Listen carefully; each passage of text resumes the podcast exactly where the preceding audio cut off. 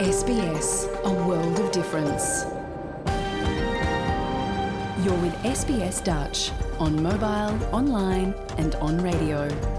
Dit is SBS Dutch op mobiel, online en op radio.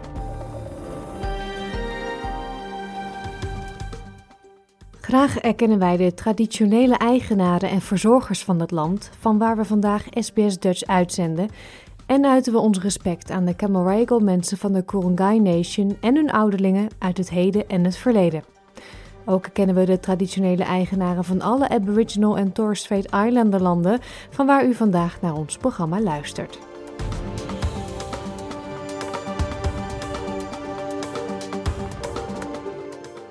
Een hele goede morgen, mijn naam is Paulien Roesink.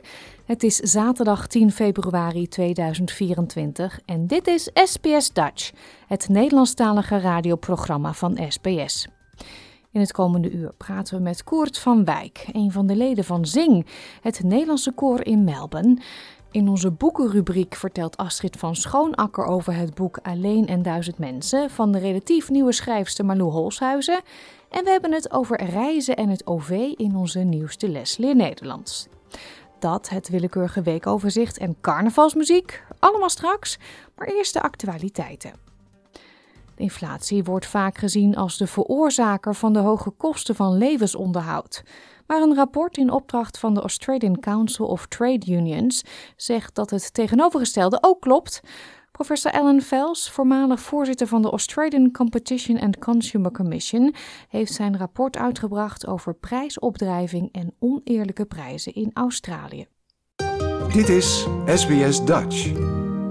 Australië is altijd een dure plek geweest om te wonen in vergelijking met vergelijkbare landen. Die hoge kosten van levensonderhoud hebben een aantal voordelen met zich meegebracht, zoals hogere lonen en een goede kwaliteit van leven. Maar de afgelopen vier jaar is dat evenwicht uit balans geraakt. De kosten van levensonderhoud zijn voor de meeste Australiërs het belangrijkste probleem. Zo blijkt uit gesprekken met mensen op straat in de grootste stad van het land, Sydney. I found that everything is at least 20% more than it was.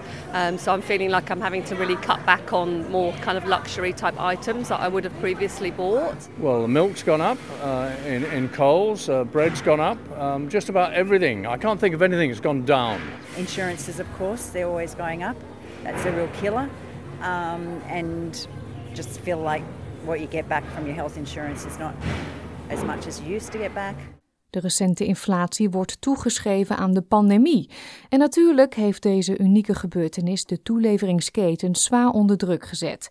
Maar voormalig voorzitter van de Australian Competition and Consumer Commission, professor Alan Fels, zegt dat er andere factoren aan de basis liggen. No one looks at the role of prices, price setting, profit margins in relation to inflation and in relation to what could be done about high prices. Eerder deze week bracht professor Vels een rapport uit over prijsopdrijving en oneerlijke prijspraktijken. Volgens hem hebben bedrijven bijgedragen aan de hoge inflatie. The actual setting of prices by business has added quite a lot to inflation, and that's often disregarded. Other things are blamed monetary policy, war, etc. Business prices contribute a lot to inflation.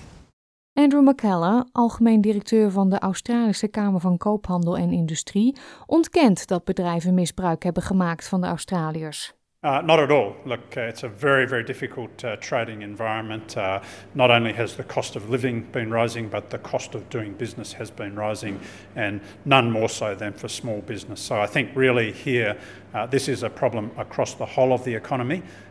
We are starting to see inflation coming down. Uh, but there are fundamental reforms that have to be undertaken if we are going to make it uh, easier uh, for business uh, to operate in the future and to take inflation out of the economy.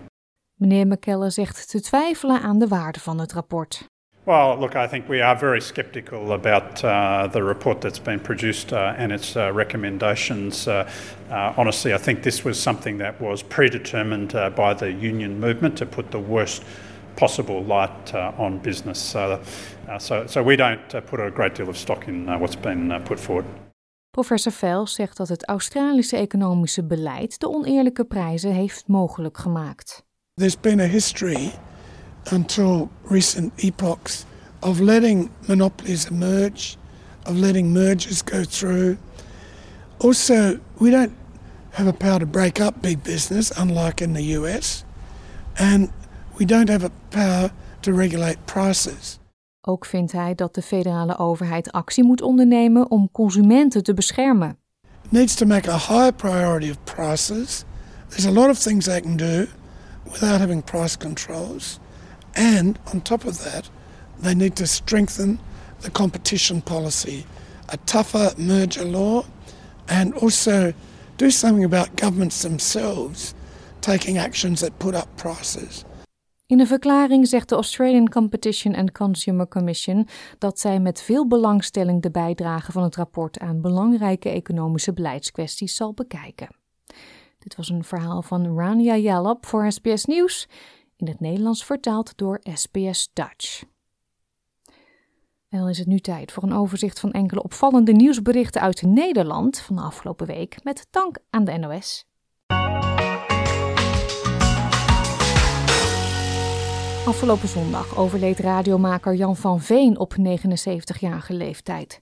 Zijn naam zegt u misschien niet direct iets, maar talrijke generaties groeiden op met het radioprogramma Candlelight, waarin hij met zijn warme, lage stem gedichten voorlas. Deze gedichten werden dan ingestuurd door luisteraars. Om uw geheugen een beetje op te frissen, volgt nu een fragment uit het laatste programma van Jan van Veen op Sky Radio. En dan nu het allerlaatste gedicht. Deze donderdagavond op Sky Radio. Een gedicht van Jos Witteman met als titel Candlelight. Vorige week berichten we in het weekoverzicht over de gigantische explosie die had plaatsgevonden in een garagebox in een wijk in Rotterdam Zuid. Kort na de explosie bleken drie mensen vermist te zijn. Die lichamen zijn inmiddels afgelopen week geborgen. Ook werden bij de bergingswerkzaamheden sporen gevonden die zouden wijzen op de aanwezigheid van een drugslab. Deze week werd er een besloten bijeenkomst georganiseerd voor buurtbewoners. En na afloop sprak de NOS met een van de omwonenden en lokale burgemeester Robert Simons. Na een week eh, zie je ook dat de emotie, boosheid eh, eh, ook gewoon bovenkomt. Vragen, angst. Gewoon, ik wil hier gewoon niet meer wonen. Ik wil hier weg. Mijn kinderen kunnen hier niet meer slapen. Eh, ja, die komen nu naar boven en dat is ook eh, heel begrijpelijk. Kon die ongerustheid, die angst een beetje weggenomen worden? Nou, niet helemaal. Ik denk dat dat er echt heel diep zit nu. En eh, dat we daar niet vandaag of morgen iets aan kunnen doen. We kunnen wel proberen hulp te bieden. Maar iedereen verwerkt zoiets op zijn, zijn of haar manier. Ja, hoe nu verder met de formatie? Dat is een veelgestelde vraag deze week in Politiek Den Haag, maar natuurlijk ook daarbuiten. Deze week trok NSC, de partij van Pieter Omtzigt, namelijk heel onverwachts de stekker uit de formatie. De overige partijen, PVV, VVD en BBB, reageerden verbaasd. Ja, ik ben echt oprecht uh, uh, verbaasd en ook wel geschokt eerlijk gezegd. Want ja, we waren uh, toch bezig met goede en constructieve gesprekken. ook stukken van de heer Omtzigt zelf die op tafel lagen. Um, ja, dus ik, ik, ik begrijp er helemaal uh, niets van. Ik hoop ook dat we vanavond, we zijn uitgenodigd door de informateur, dat we daar toch alle vier komen. En dat hij ons, dat is hij toch denk ik wel verschuldigd, een beetje een uitleg geeft. En ook in Nederland waarom dat is gebeurd. Nou, we zaten midden in constructieve gesprekken. En dan begrijp ik niet zo goed uh, waarom je daarvan weg zou lopen. Maar hij heeft het uitgelegd. Het ging om de financiën. Ja, ik kon die uitleg ook niet echt plaatsen, eerlijk gezegd. Uh, we hadden gesprekken juist erover. We hebben vragen uitgezet en dan kom je met aanvullende vragen en dan ga je die puzzel leggen. Met name ook in de volgende ronde, dat je echt gaat onderhandelen. Dus ik, ja, ik, ik begreep eigenlijk begrijp ik er nog steeds niet zoveel van. Nou ja, zoals ik gisteren uh, op Twitter ook aangaf, is dit uh, voor mij uh, ook gewoon een hele grote verrassing. Dat, um, dat Pieter Omtzigt ja, niet meer is teruggekeerd bij de gesprekken gisteren. En wij hebben dat uh, via de pers moeten vernemen. Um, op het moment dat wij een appje kregen, toen stond het al op de, op de site van de NOS. En dat waren we net aan het lezen. En um, toen stuurde die een appje. Hij zegt, ik heb te laat kennis gehad van iets, van documenten. Wat vindt u daarvan? Ja, er is geen sprake van informatie achterhouden. Kijk, die documenten, een paar van die documenten die waren er al. En een uh, aantal documenten hadden misschien twee dagen eerder kunnen komen. Dat had allemaal zijn redenen waar ik niet verder op inga. Um, maar dat had voor, het, had voor de gesprekken niks uitgemaakt. ook voor informateur Ronald Plasterk kwam het besluit van NSC als een verrassing. Hij hoorde daarbij het nieuws per WhatsApp en dat verdient geen schoonheidsprijs, zo zegt hij. Dat is een understatement. Wat, waarmee doelt u dan vooral op? Nou, op het vertrek en het, ook de manier waarop overigens van, van een van de vier partijen aan de informatietafel. Verdient niet de schoonheidsprijs? Zo is Voelde dat. het persoonlijk voor u? Wat zegt u? Voelde het persoonlijk hoe dit is gegaan? Nee, ik geloof dat ik het uh, voor. Ik noemde al het instituut. Informateur is, is een uh, belangrijk element van ons staatsrechtelijk bestel en dat verdient uh, respect. En, en dat, dat raakt mij niet persoonlijk. Ik vind het hoge eer om dit te mogen doen en, en dat is het. Het raakt u niet, maar dus het instituut Informateur wel, als ik u zo hoor. Ja. U mist respect? Sorry? U hebt respect gemist deze week van de heer Omzicht? Voor het instituut Informateur wel, ja. Nou ja, wordt vervolgd. Dat gaat waarschijnlijk nog wel even duren. De politie heeft een nieuwe rollenbank die ook fatbikes, dat zijn van die grote elektrische fietsen met extra dikke banden die heel populair zijn onder jongeren, en andere elektrische fietsen kan controleren op snelheid. In mei gaat de politie in heel het land deze rollenbanken gebruiken, maar in Amsterdam werd hij deze week al getest. U hoort Arturo Castello, specialist verkeer van de politie. Deze nieuwe rollentestbank die is nu in gebruik genomen. Die wordt nu landelijk uitgerold bij de politie. En met deze rollentestbank kunnen wij naast bromfietsen en snorfietsen ook elektrische fietsen, fatbikes en dat soort voertuigen testen. Ja, hij gaat uh, 37 in plaats van 25. Ja, dat mag eigenlijk niet. Het lukte jou dus om hem, om hem zelf op te voeren? Uh, ja, het is gewoon via dat dashboardje. Je hebt een plus en dan heb je een aan- en uitknop en dan heb je een min-knop. En dan moet je het eigenlijk gewoon ingedrukt houden en dan krijg je het vanzelf wel. Maar het is eigenlijk een, uh, een, uh, een ontwikkeling waar wij op anticiperen, iedere keer opnieuw. En dat hebben we met de snorfietsen gehad en de bromfietsen die opgevoerd werden en nu dus de elektrische fietsen. Het meisje dat u zojuist hoorde had dus een opgevoerde fatbike en ze kreeg een boete van 290 euro. Dat is niet niks, maar ze heeft aangegeven hem zelf te gaan betalen. Tot zover dit willekeurige weekoverzicht met dank aan de NOS en Sky Radio.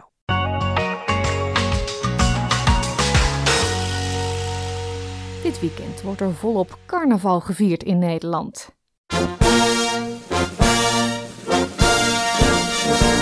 Af en daarom draaien we deze uitzending alleen maar feestmuziek.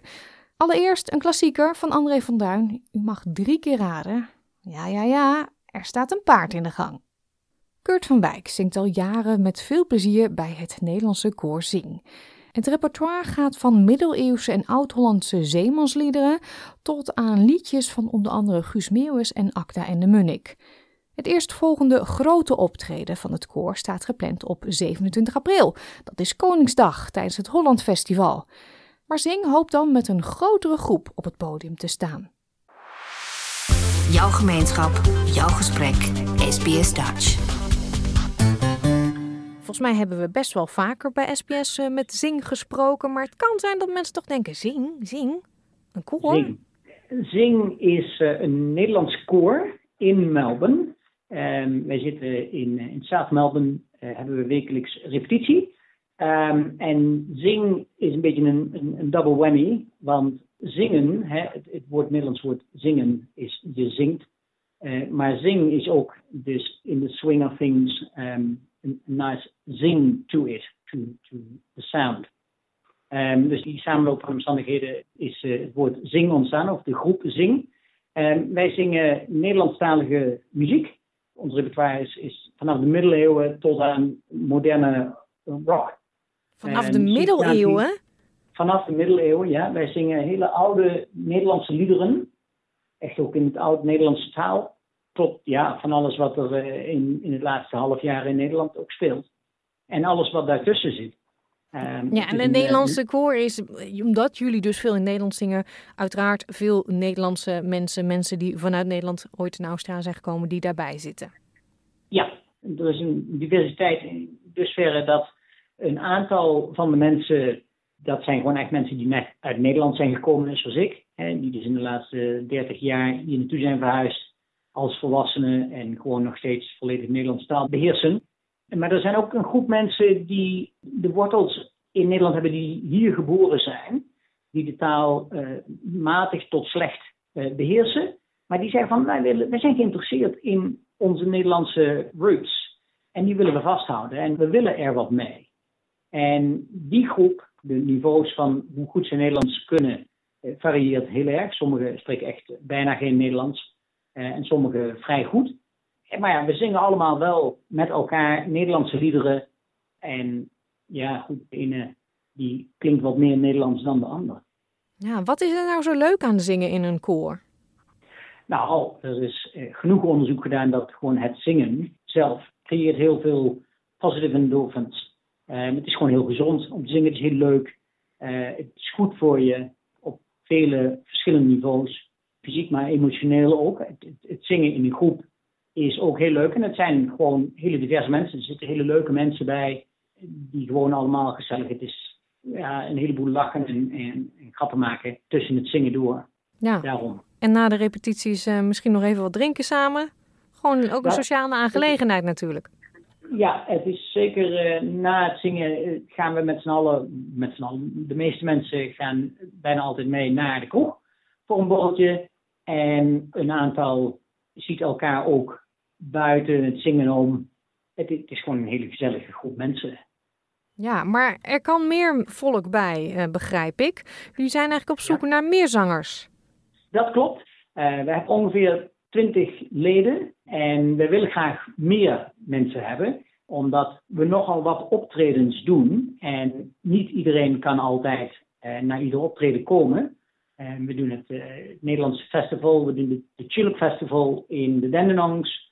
En we treden op in Nederlandse bejaardenhuizen, gewoon voor die oudere mensen uh, die het geweldig vinden, die het echt heel leuk vinden. En, en je ziet ook al die, die 80-plusjarigen die dan heel vrolijk meebouwen omdat ze oude Nederlandse liedjes horen die ze kennen.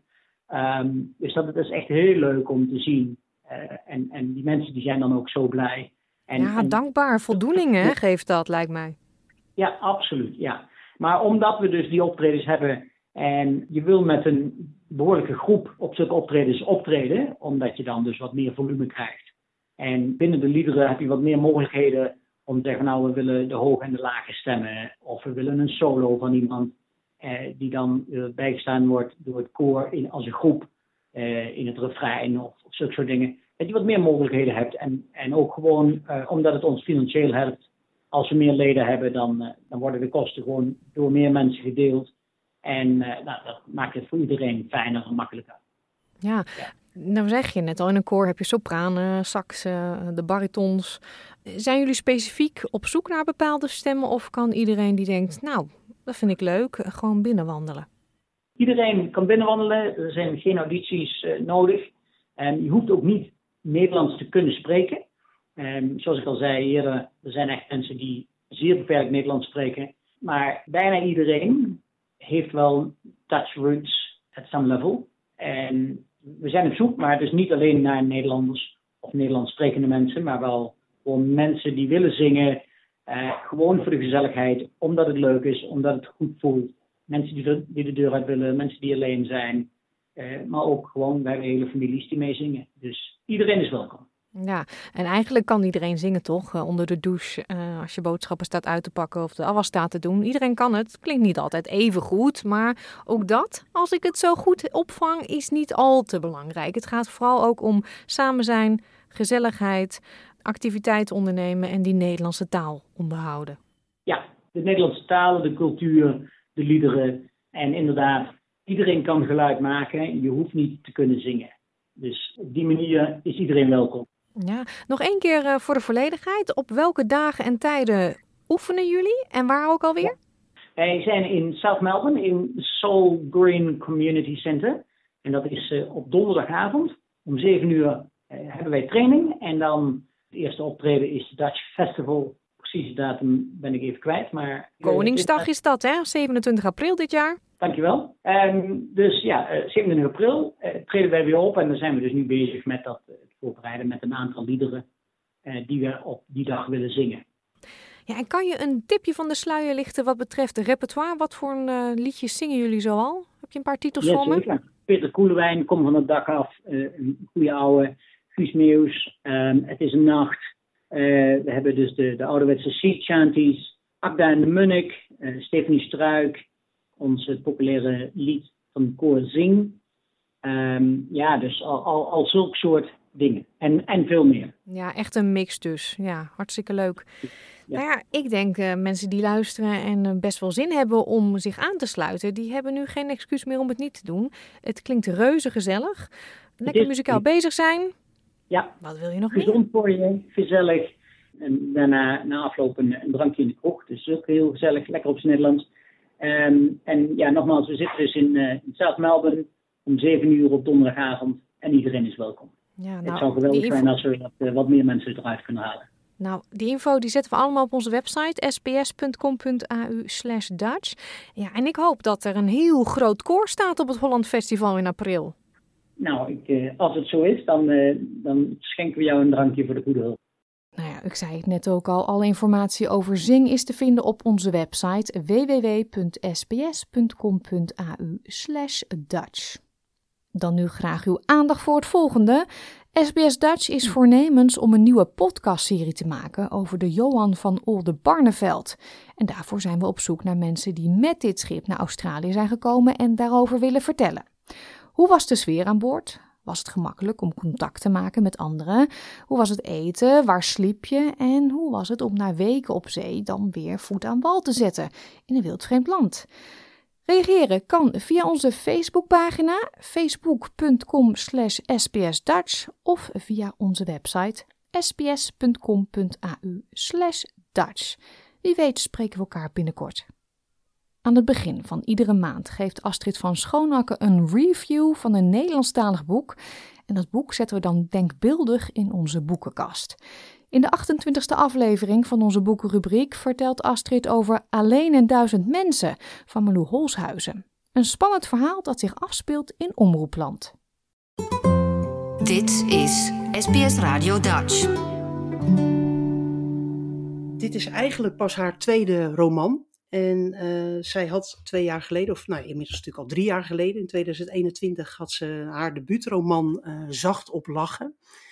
Dat heb ik toen ook gelezen, maar ik moet eerlijk zeggen dat ik daar niet heel erg enthousiast over was. Dus toen ik voorbij hoorde komen dat haar tweede roman, dus dit uh, boek Alleen een duizend mensen uitkwam, toen had ik hem niet gelijk op mijn lijstje gezet. Maar een collega van mij, die uh, ik hoog heb zitten, die uh, zei: Nee, maar Astrid, je moet echt, het is echt goed en, en je moet dit lezen. Toen ben ik het toch gaan lezen. En gelukkig maar, want ik vind dit boek zeker een aanrader. En had het jammer gevonden als ik het niet had gelezen. En, en als je die twee boeken dan vergelijkt, wat is dan het grote verschil waarom dit boek wel jou aanspreekt? Uh, nou, het grote verschil bij haar debuutroman had ze een soort vorm gekozen waar de hoofdpersoon ook veel met haar moeder sprak over uh, allerlei zaken, kan ik me nog herinneren. En die vorm, dat sprak mij niet zo aan. En nou ja, die thematiek rondom dat het eigenlijk dat er een problematische verhouding was, ook met haar moeder, dat had ook te maken met uh, Indische roots en geschiedenis. Ja, dat vond ik toch eigenlijk een beetje mager. En het grote verschil met dit boek is, is dat de vorm ook echt anders is. Het is veel meer een verhaal dat ze vertelt, wat meer aangekleed is qua verhaallijn. En uh, ja, dat spreekt me eigenlijk meer aan dan uh, wat ik nog kan herinneren van die debuutroman. Dus dat is denk ik wel het grootste verschil. Ja. Ja, daarnaast vind ik het heel erg leuk dat sowieso heeft zij een bepaalde, ja, bijna onderkoelde manier van dingen beschrijven, die wel heel erg komisch is. Dus uh, ook al gaat het best wel af en toe om zware dingen, kan ze dat wel heel leuk brengen. Ja, dat maakt het ook wel weer bijzonder. En daarmee zet ze die hoofdpersoon in dit boek, die heet uh, Rivka Leeuw, die uh, zet ze heel goed neer. Want die, Rivka die is namelijk redacteur bij een radio op NPO. Tenminste, dat schat ik zo in. Ze noemt dat niet NPO, maar wel de nationale radio. Dus nou ja, dan ga ik er natuurlijk vanuit in Nederland dat het om de NPO gaat. Eigenlijk, als het verhaal begint, is ze net van werkgever van radioprogramma geswitcht. Dus ze zat bij een nieuwsprogramma dat overdag werd uitgezonden. Daar was een van de redacteuren. Maar dat, ja, ze kon het goed vinden met de collega's, maar het werk, eh, ze kreeg eigenlijk altijd, nou ja, vond zij dan lullige items toegeschoven uh, door de eindredacteur. En uh, ja, dat was een beetje zat geworden. Dus ze had een sollicitatiebrief geschreven voor, een, ja, niet een heel nieuw programma, maar een vrij jong programma. En dat is een programma dat in de nacht van zaterdag op zondag wordt uitgezonden, van 12 tot 1. En dat is ook een heel bijzonder programma, omdat in dat programma is er een uur lang een hoofdgast die voor één uur wordt geïnterviewd. En uh, dat gebeurt door de persoon Joël uh, Baker in dit boek. En dat is een uh, gearriveerde, wat oudere journalist. En ja, zij had altijd al een wens, want dat bodemdrift, zo heet dat programma, ja, dat, dat vond ze eindeloos. Dat wilde ze heel graag doen. Dan zou ze ook de eindredacteur dan daarvan worden. Dus ze heeft er uh, zich flink met een sollicitatiebrief uh, ingebluft, eigenlijk als het ware, maar is wel dan de kandidaat geworden. Nou, dan in het eerste deel van het verhaal volg je haar dat ze nou ja, daar voor dat programma gaat werken. En dan volg je haar ook op een avond dat er een cabaretier te gast is, die dan wordt geïnterviewd in die hotelkamer. En die hotelkamer die uh, ligt ook heel hoog. ik geloof zelfs wel op de 21ste verdieping van het hotel. En dan zit je er net als een lezer, heb je een beetje van, oh ja, dit is het verhaal, dit is de hoofdpersonage, oké, het gaat over een radioprogramma. En dan zit je eigenlijk als het ware klaar om als lezer in dat programma mee te gaan. En dan, uh, nou ja, na een paar minuten, dan uh, besluit die cabaretier uh, het raam open te doen en naar beneden te springen. Dus die pleegt zelfmoord. Zo. En dan zit je als lezer dus even dus aan het einde van het eerste hoofdstuk denk je, wat, wat, en nu? Nou ja, en dat is eigenlijk wat je als lezer dus aan dit boek gekluisterd houdt. Want daarna wordt natuurlijk de hele voorgeschiedenis naar die ene avond toe, wordt dan duidelijk wat ook de rol van Rivka daarin is. En uh, ja, dat maakt het wel natuurlijk spannend, want je wil weten van ja, waarom doet die man dat en uh, waarom uh, doet die situatie zich voor? En dan leer je natuurlijk ook die man ook kennen en uh, ook de personages daaromheen. Maar uh, ja, daar kan ik niet al te veel over vertellen, want ik kan dan, dan, dan, geef ik te veel weg voor de mensen die het boek nog willen lezen. Maar wat ik wel uh, kan vertellen is dat rondom die hoofdpersonage, de Rivka Leeuw, dat is, zij is jong, nog begin dertig, heeft ook alweer een problematische verhouding met haar moeder. Dat is denk ik een terugkerend thema in haar werk. Um, dat heeft um, in dit verhaal een groot deel te maken met het feit dat uh, haar ouders, toen zij 14, 15 was, uh, zijn ze gescheiden. En die moeder is eigenlijk nooit overeengekomen dat uh, die vader bij haar weggegaan is. Maar die moeder is geen makkelijke vrouw. En Rivka die houdt wel gelukkig ook een goede relatie met haar vader. Maar die relatie raakt toch ook wel weer enigszins verstoord. Omdat zij altijd samen met haar vader na de scheiding heeft gedroomd dat ze samen een keer een roadtrip zouden maken door de Verenigde Staten. Dus daar hebben ze heel vaak met elkaar over zitten praten. Van, uh, nou, dan gaan we daar ook heen en dan gaan we daar en dan gaan we dit bezoeken. Nou ja, haar vader krijgt een nieuwe vriendin. En uh, daar kan ze het uh, op zich prima mee vinden. Maar op de dag dat haar vader haar dan laat weten dat hij met die vrouw die reis gaat maken, ja, dan is dat voor Rivka eigenlijk ook wel klaar. Dus ze zit um, niet zo lekker in de vel. Ze heeft toch ook wel, ook al wordt dat niet zo heel erg duidelijk, maar ook wel een eetstoornis. Ze eet ook niet goed. Um, dus vandaar dat ze het best moeilijk heeft. Uh, dus ze probeert overeind te blijven. En uh, nou ja, in, in dat hele proces naar die ene avond toe uh, krijg je daar als lezer een mooi beeld van. En wat ik ook heel erg tof vond in dit boek is dat, nou ja, in omroepland uh, in Nederland heeft het de laatste jaren natuurlijk nogal wat gespeeld. Ook in het kader van grensoverschrijdend gedrag. Daar zijn heel veel onderzoeken uitgevoerd. Er zijn ook mensen die, nou ja, op non-actief zijn gezet. En daar is Holshuizen, vind ik, ontzettend met een beetje een vleugje cynisme, maar ook wel weer die onderkoelde humor zet ze ook wel heel stevig dingen neer die je dan toch ook wel aan het denken zetten. En, en schetsen ook eigenlijk wat er zo'n beetje qua sfeer aan de hand is. En wat ik heb gevonden op internet is dat zij zelf ook wel uh, presentatieklussen heeft gedaan. Dus ja, dat wou ik zeggen. Zij kent dit wereldje natuurlijk ja. heel goed. Ja, dus dat, dan denk ik dat ze hè, dat, ze dat van eigen ervaring natuurlijk ook mooi heeft kunnen aankleden. En wat ik ook wel heel typerend voor uh, dat grensoverschrijdend gedrag en, en, oudere mensen die andere opvattingen hebben, dat vind ik wel heel leuk dat zij. Uh, het komt heel goed naar voren in het gesprek dat ze heeft als ze eigenlijk net dat contract heeft gekregen voor dat nieuwe programma waar ze gaat werken. En dan is er een uh, wat oudere man, een, een, baas, Dick Gortzak heet hij, waar ze dan een gesprek mee heeft. En dat fragment wil ik graag even voorlezen. Take it away. Welkom bij de club, zei hij grijzend. Dick Gortzak, baas van de omroep, zette een harde punt op het vel papier. Hij overhandigde het contract met ongepaste trots, alsof hij het zelf van A tot Z geschreven had. Ik had me bij binnenkomst verbaasd over zijn lengte en breedte. Een bizar grote man, die leek op iemand in een dikmaakpak, maar dan zonder dikmaakpak. Dank u wel, zei ik met een glimlach. Ik wist niet wat ik van hem moest denken.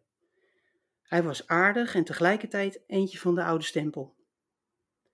Toch zat hij als een van de weinigen nog op zijn plek, waardoor ik ervan uit kon gaan dat hij alle onderzoeken met vlag en wimpel had doorstaan.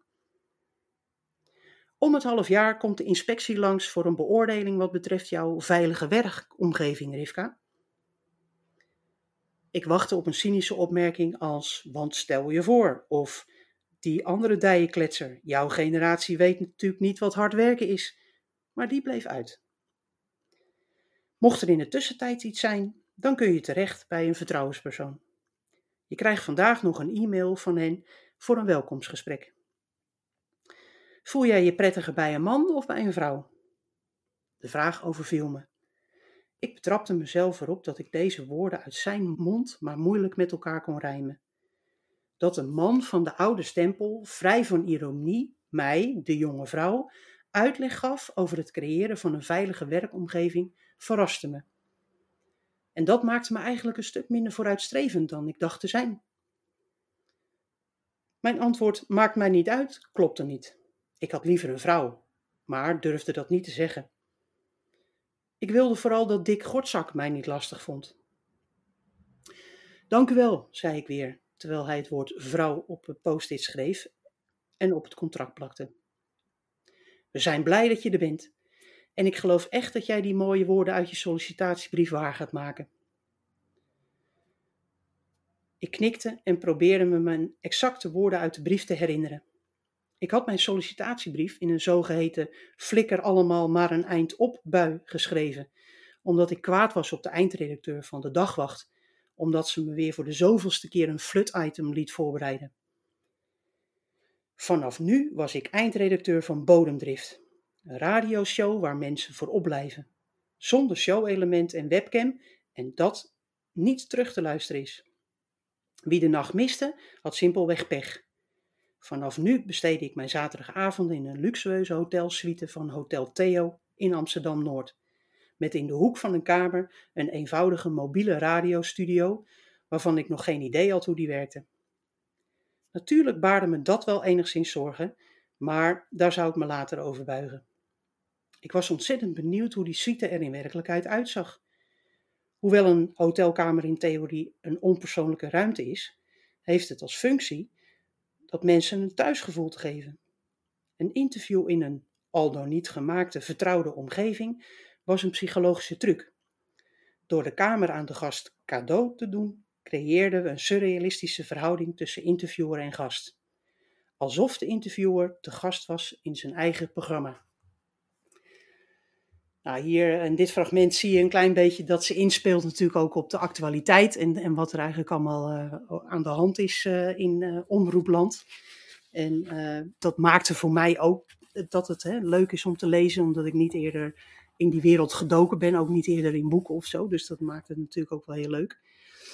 En um, nou ja, die humor, om, die humor die ze heeft om dat te illustreren, wil ik nog een klein fragmentje voorlezen dan heeft ze dus die uh, man die de interviewer is in het programma, die Joël, die heeft ze dan al een aantal keer ontmoet. En uh, die vraagt haar dan om mee te gaan lunchen in het gebouw van de omroep. En nou ja, dat omschrijft ze dus als volgt. Bij zijn vierde entree overviel Joël me met het verzoek of ik met hem mee ging lunchen. Ik wist dat het geen vraag was, dus stond ik op en liep ik met hem mee. De kantine van De Omroep zag er allesbehalve smaakvol uit. Wat dat betreft paste die goed bij de rest van het gebouw. Op een lange tafel stonden schalen met voorgesneden plakken kaas en vleeswaar. Niets smeriger dan die schalen waarvan collega's met blote handen vierkante plakken beleg op hun bord kwakten. Opmerkelijk was dat het brood pas na de schalen kwam, waardoor de sneetjes casino wit of bruin op het beleg terechtkwamen. Vroeger werd alles per portie in folie verpakt, maar dat was niet duurzaam. Nu koos de kantine voor milieu in plaats van hygiëne. Ironisch genoeg, naast de schalen kaas en worst en een paar uitgelopen kroketten en wat vegetarische sausijzenbroodjes. Onder een warmtelamp, dat dan weer wel, de daghap en die bestond uit gebakken eieren met spek van een zwart geblakerde bakplaat. Ergens in een hoek stond een saladebar. Het had iets weg van een trog. Joël stapelde zijn boterhammen als een flatgebouw met daarnaast een toren van boterhammenworst. Zijn aanwezigheid had duizend duidelijk effect op de omgeving. Mensen gingen voor hem op, opzij, wat hij niet meer dan normaal leek te vinden. Ook ik werd ongegeneerd van top tot teen bekeken. En zo nu en dan tikte iemand een ander aan en werd er iets gefluisterd. Het vreemde aan deze tijdmachine was het surrealistische beeld van de moderne mens in een jachtig en een jaren tachtig decor. De stofmeid in de stoelen was ouder dan de gemiddelde redacteur. Na het doorvoeren van een vrouwenquotum, het inclusief quotum en een leeftijdsdiversiteitsquotum werd de omroep verplicht een vooruitstrevende, duurzame en inclusieve werkgever te zijn. Nou, ook daar, uh, ik zie dat bij zo'n fragment al helemaal voor me. En dan denk ik, nou, daar uh, hoef ik dus ook niet uh, naartoe te gaan om te lunchen. En dan is het eigenlijk op het ene moment is het grappig en op het andere moment deelt ze dan toch ook wel weer een tik uit naar onze samenleving. Want ja, al die, die quota, die, dat is ook tegenwoordig zo je ziet dan eigenlijk in, in alle sectoren waar die quota zijn, worden de mensen wel aangenomen, zodat de groep mensen die er komt te werken wel divers is. Maar vervolgens doet men daar niets mee. Dus dan is het nog steeds, om even maar gechargeerd te zeggen, de oude zeven vinkjesman, die dan toch nog weer voor het zeggen heeft. En uh, nou ja, die anderen hangen er dan toch eigenlijk allemaal bij. Dus ja, dat vind ik eigenlijk echt uh, wel heel dat ze daarin geslaagd is om. Uh, een mooi verhaal in een mooie setting, die denk ik voor heel veel nieuw is voor veel lezers. En tegelijkertijd dan toch ook met humor ook wel weer, nou ja, even een spiegel voor te houden hoe onze samenleving eigenlijk op dit moment voor elkaar, in elkaar steekt. En dat vind ik heel knap en daarom vind ik het zeker een, een aanrader. Alle boekentips van Astrid zijn op onze website te beluisteren onder de serie Astrid's Boekenkast. Ga daarvoor naar www.sbs.com.au Dutch. Echte feestmuziek nu, wat recenter, van de Snollebollekes. Dit nummer zal menig carnavalsvierder dit weekend van links naar rechts laten springen. Ja, maakt u zich er maar klaar voor, want dit is van links naar rechts. Joyce Diepels van Dutch with Joyce heeft weer een miniles Nederlands voorbereid. Nederlanders staan natuurlijk bekend om hun liefde voor de fiets. Maar we hebben uiteraard meer vervoersmiddelen tot onze beschikking. Het thema van deze les is reizen en het openbaar vervoer.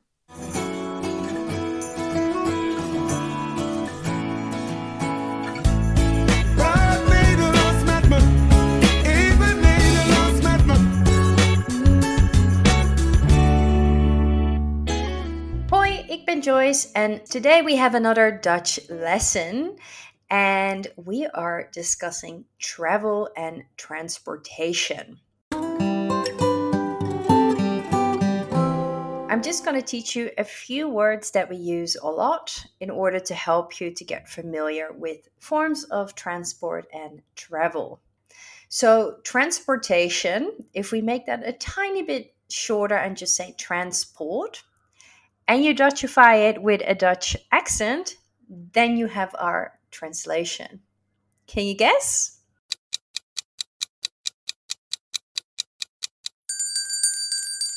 De transport of het transport. Transport. Travel. That might be a tricky one. You can't Dutchify that one. Travel. Think more about how you're traveling to Asia and eat some rice. That is probably a bit more like it. Reizen. Reizen. With that I sound, but with a Z as well. Reizen. So I travel would be ik reis, because we do have that S sound at the end. Ik reis. Now let's go through the five most common way of transport in the Netherlands at least. Obviously, number 1, the bicycle. The bicycle is de fiets. De fiets. Next up, a car. So think about how cars are automatic or an automobile. That's what you want to think about for the Dutch word, which is de auto. De auto. Now, some people in the Netherlands will say auto. In my opinion, that's not proper. so I want you to say the word auto because it's spelled with AU, pronounced au. So beware of that as well. De auto. Next one, fairly easy, spelled the same, slightly different pronunciation, bus. We say de bus. So make sure you say that e sound there. De bus. Train, also very similar, but with an I sound. De trein. De trein. And to get further distances, we can take the airplane. An airplane, we use the word for flying. A fly or to fly is vlieg. Vlieg. And the word for airplane is then het vliegtuig. Het vliegtuig. If you are traveling with public transportation, the word for public transportation is very handy to know. Public in Dutch is not one to Dutchify, um, because if you do that, you get publiek. And publiek is your audience. It is definitely not public. So keep that in mind. You can't translate public as we know it in English with publiek. Public in Dutch is openbaar. Openbaar. And then we use our other word for transport, which is vervoer. Vervoer. So public transportation is openbaar vervoer. And if you have gone to the Netherlands and you've seen the letters OV and wondered what that may mean, that is just short for openbaar vervoer, OV. So in Dutch conversation, we hardly say openbaar vervoer, we just go with het OV. Makes it easier for you as well. In het OV, we kind of need a ticket. You can't say ticket and get away with it, but the official word is het kaartje. So, like a card. Het kaartje. You need to buy a kaartje at the station. The station is not station, but we use a Dutch French way of pronouncing this word, which is het station. Het station. So that T is very silent, almost like an S. Het station. Het station. And if you want to stop at a bus stop, we call this de halte. So bringing a bus to a halt. De halte or de bushalte. And last but not least, if you are stopping at a platform by train, a platform is called het perron. Het perron, coming from French. So in Dutch, we have a tiny bit, of course, a different way of saying that we're taking the train or that we're getting on the train, etc. So let's go through them. So if you want to say, I take the train, you could say that um, literal by just translating take, which is name. So ik neem de trein. Ik neem de trein. Um, We also say it a bit more conversational and we can grab the train. Ik pak de trein. Hè? Ik pak de trein van twee uur. Like I'm grabbing, I'm taking the train that's leaving at two o'clock. Then, getting off and on a train or a bus, we step on it or off it. So I step in the bus is ik stap in de bus or ik stap op de bus. En ik stap uit de bus. In regards to driving and riding, in Dutch we basically always use riding for everything. So we don't drive a car, we ride a car. Unless it's someone else who drives or we're on the water, we use a different verb for that. But I drive a car is ik rijd mijn auto. Of ik rijd met de auto. Ik rijd mijn auto. En dus ook, ik rijd mijn fiets. Ik rijd mijn fiets. Or you can say, ik zit op mijn fiets. Ik zit op mijn fiets. Like I'm, I am on my bicycle because we use a um, position verb in that case. So we use sitting rather than you am or you are on a bicycle. In that case, how would you then say, I am on the airplane?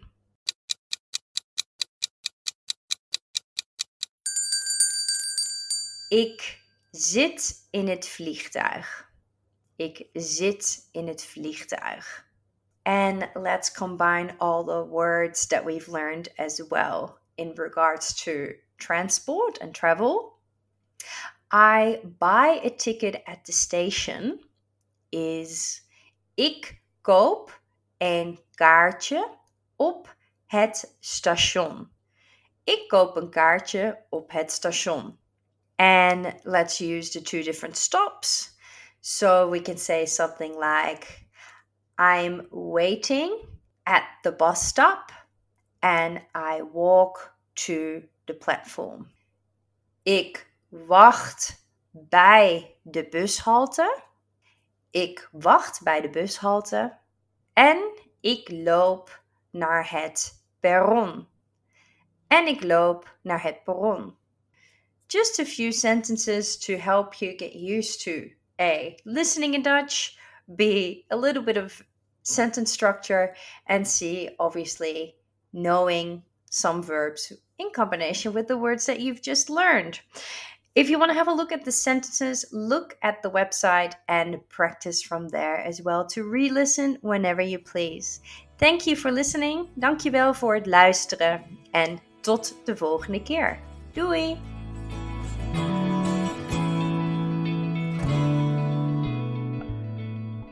De oefenzinnen uit deze les en alle andere afleveringen van Leer Nederland staan op onze website www.sbs.com.au/dutch.